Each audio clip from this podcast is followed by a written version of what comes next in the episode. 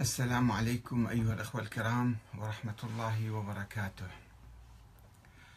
موضوعنا اليوم آه، فقهي محل جدل بين الشيعة والسنة عبر التاريخ، وهو يعود إلى خلاف في أصول الفقه، بالذات إلى أصلي آه، آه، السنة حاكمة على الكتاب، وأصل الإجماع.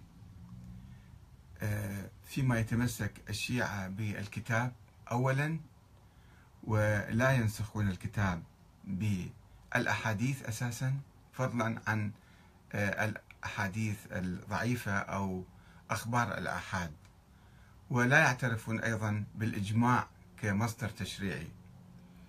وهذان أمران يؤمن بهما السنة آه، يقولون بأن الإجماع هو مصدر تشريعي. وأن الأحاديث تنسخ القرآن. لذلك حدث هذا الخلاف التاريخي وما لم يحل هذا الخلاف في الأصول في أصول الفقه فسوف يستمر. موضوعنا اليوم هو زواج المتعة. هل هو حلال أم حرام؟ وكيف نجمع بين أدلة الشيعة في التحليل وأدلة السنة في التحريم.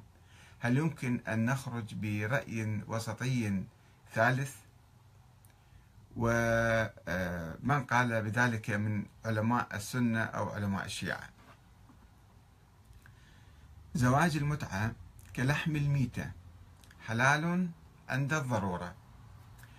للزواج المؤقت المتعة جوانب عديدة اجتماعية وفقهية وقانونية. وسنحاول هنا بحث الموضوع من الجانب الفقهي فقط. ونستعرض أدلة المحللين الشيعة والمحرمين من السنة. ونحاول الجمع بين الرأيين وأدلة الطرفين لإباحته في حالات الضرورة فقط وفي حالات اجتماعية معينة وظروف خاصة.